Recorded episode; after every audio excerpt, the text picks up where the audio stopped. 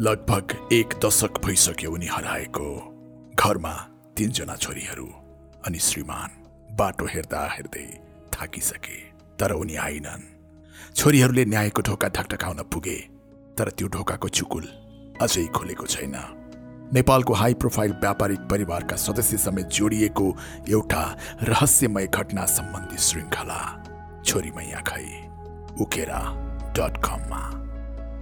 खोजमूलक पत्रकारितामा आफ्नो बेग्लै पहिचान बनाइसकेका पत्रकार उमेश श्रेष्ठको नेतृत्व अनि पत्रकार प्रजु पन्तको सहकार्यमा उकेरा डट कमले छोरीमैया महर्जन हराएको यो केसका विभिन्न पाटाहरूबारे विस्तृत अनुसन्धानमूलक रिपोर्टिङको यो श्रृङ्खला अघि बढाइरहेको छ।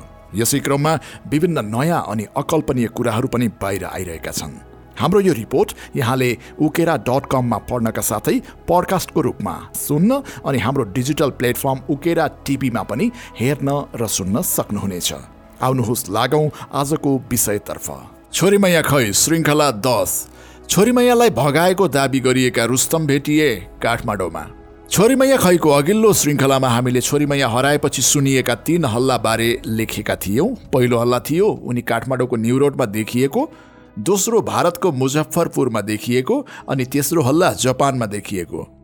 त्यो बेला अर्को हल्ला पनि फैलिएको थियो। छोरी मैया पहिला गइन्। छोरी मैयालाई अपहरण गरेको अभियोगमा अपहरण तथा शरीर बन्धकको मुद्दा चलाइएकी निक्की सिंह मल्होत्राका दाजु दीपक मल्होत्राले आज शुक्रबार हामीसँग कुरा गर्दा त्यति बेला छोरी मैयासँगै एकजना एम्ब्रियोडरी गर्ने भारतीय युवक पनि हराएको प्रसङ्ग फेरि दोहोऱ्याए। यसअघि गएको साता बिहिबार पनि उनले भनेका थिए हाम्रो शङ्का के छ भने? त्यति बेला एउटा इन्डियन पनि हराएको थियो एम्ब्रियोडरी गर्ने।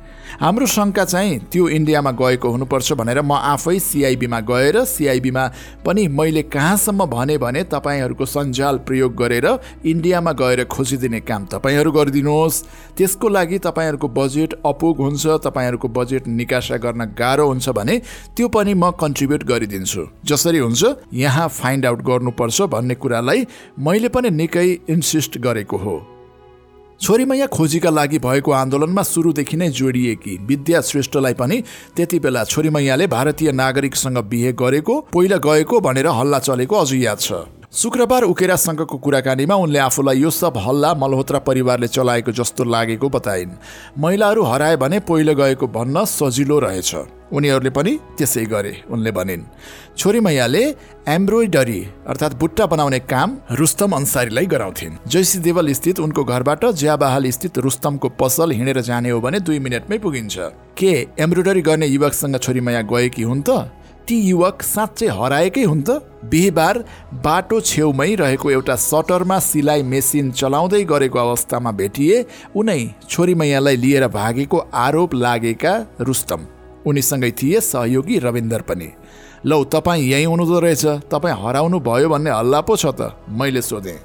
म त जहिले पनि यहीँ छु। रुस्तमले हाँस्दै भने म कहाँ हराउनु? म हराएँ भने पसल कसले चलाउँछ? एउटा सेल्फी खिचाउन त भन्दा उनी खिच्नुहोस् भन्दै तयार भएर पोज दिए। रुस्तमका अनुसार उनको घर भारतको बेतिया जिल्ला हो। वीरगन्जबाट रक्सौल हुँदै करिब दुई घन्टामा पुगिन्छ त्यहाँ। उनी र रविन्दर मिलेर नेपालमा पन्ध्र वर्षदेखि एम्ब्रोइडरीको काम गरिरहेका छन्। छोरी मैयासितको कारोबार रुस्तमले नै गर्थे। कुसन बेडसिटको काम गर्थ्यौँ काम भएको बेलामा बोलाउनुहुन्थ्यो। गएर लिएर आयो काम गर्यो पुर्याएर पैसा पायो आफ्नो। यति काम थियो मेरो उनी भन्छन्। अहिले छोरीहरूले चलाउने छोरी मैयाले सुरु गरेको घरेलु उद्योगको रफु भर्ने लगायतका कामहरू पनि रुस्तमले नै गरिरहेका छन्। घटना भएको बेला सत्ताइस वर्षका उनले एकाउन्न वर्षकी छोरी मैयालाई आमा भनेर सम्बोधन गरे। उनले भने आमा हराउनुभन्दा एक डेढ वर्ष अगाडिदेखि नै उहाँहरूको काम गरेको थिइनँ। पहिला त महिनामा पाँच छ पटक पनि गइन्थ्यो त्यो घरमा।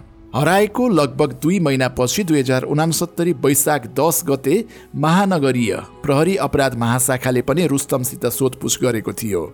त्यसमा रुस्तमले भनेका थिए छोरीमैया महर्जनसँग चार पाँच वर्ष पहिले कामको सिलसिलामा चिन्जान भएको हो। छोरीमैया महर्जनले मलाई बुट्टा बनाउने काम गर्न लगाउनुहुन्थ्यो। काम गर्ने सिलसिलामा पछि काम नराम्रो भयो भनेपछि मैले उहाँसँग काम गर्न छाडेको हुँ। अर्थात् प्रहरीले उति बेलै एम्ब्रोइडरी गर्ने छोरीमैया भागेको हल्लाको भेरिफाई गरिसकेको रहेछ। तर छोरीमैयाको प्रसङ्ग आउँदा कोहीले अहिले पनि त्यो चर्चा गर्छन्। रुस्तम भनिरहेकै छन् इन्डिया गएको भए तपाईँले आज यहाँ भेट्नुहुन्थ्यो। परिवार छ बालबच्चा छन् पर्व चाडमा त घर जानुपर्छ नि। विद्या श्रेष्ठ पनि भन्छन्।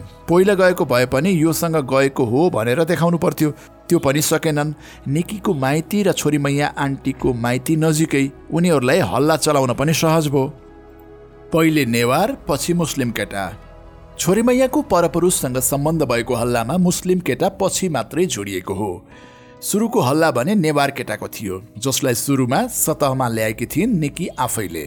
हराएको पर्सिपल्ट अर्थात् दुई हजार अडसट्ठी फागुन अठार गते निकीले जेठी छोरी सुभद्रालाई फोनमा तिम्रो आमासँग एकजना करिब चालिस पैँतालिस वर्षको कालो हेर्दा नेवार जस्तो देखिने गाई पाल्ने फोहरी जङ्की पाराको नसालु आँखा भएको कानमा मुन्द्री लगाएको गालामा खत भएको व्यक्ति आउने गरेको भनेकी रहेछन्।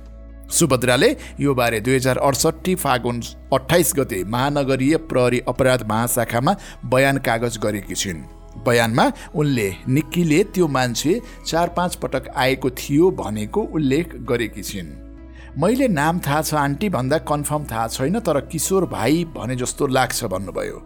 बुवालाई अहिले नभन्नु पहिला हामी बिच क्लियर गरेर मात्र भनौँला भन्नुभयो।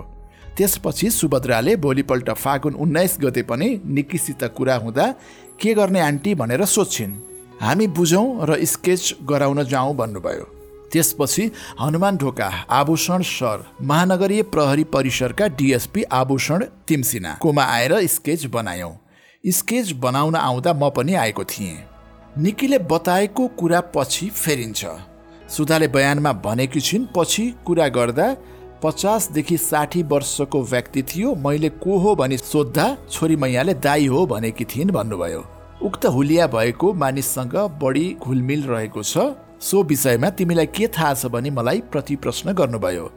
निकीले दावी गरेको हुलिया अनुसार प्रहरीले स्केच बनायो। त्यो स्केच परिवारका सदस्यलाई देखाएर चिनेको हो भनेर सोधेको थियो।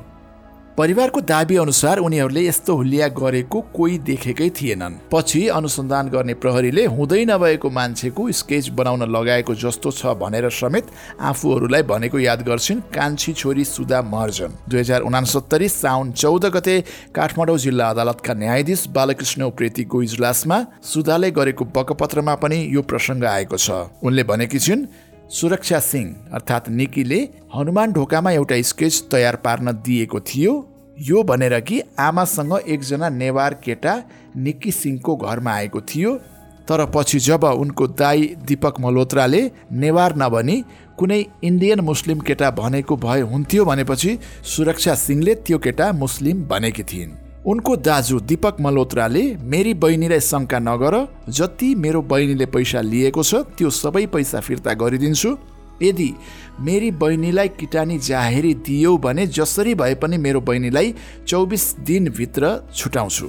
तिमीलाई थाहै छ मेरो पावर कहाँसम्म छ भनेर भनेको थियो। सुधाले अदालतको बकपत्रमा भनेकी छिन् निक्कीले गरेको दावी सत्य हो या होइन भन्ने निष्कर्ष प्रहरी अनुसन्धानमा खुलेन। यसले निक्कीले अनुसन्धानलाई अन्यत्र मोड्ने प्रयास गर्न खोजेको देखियो। तर काठमाडौँ जिल्ला अदालतमा दायर गरिएको अभियोग पत्रमा यो प्रसङ्गै गायब छ। अभियोग पत्र दायर भएको चार महिनापछि पेस गरिएको एउटा सरकारी प्रतिवेदनमा भने यो विषय समेटिएको छ। हराइरहेकी छोरी मैया महर्जनको अवस्था पत्ता लगाउन आन्दोलन भएपछि सरकारले गोकर्णमणि दुवाडीको संयोजकत्वमा एउटा छानबिन समिति बनाएको थियो। छानबिन समितिको प्रतिवेदनले छोरी मैयाको परपुरुषसँग सम्बन्ध रहेको भन्ने कुराको आधार र प्रमाण नभेटेको ठहर गरेको छ।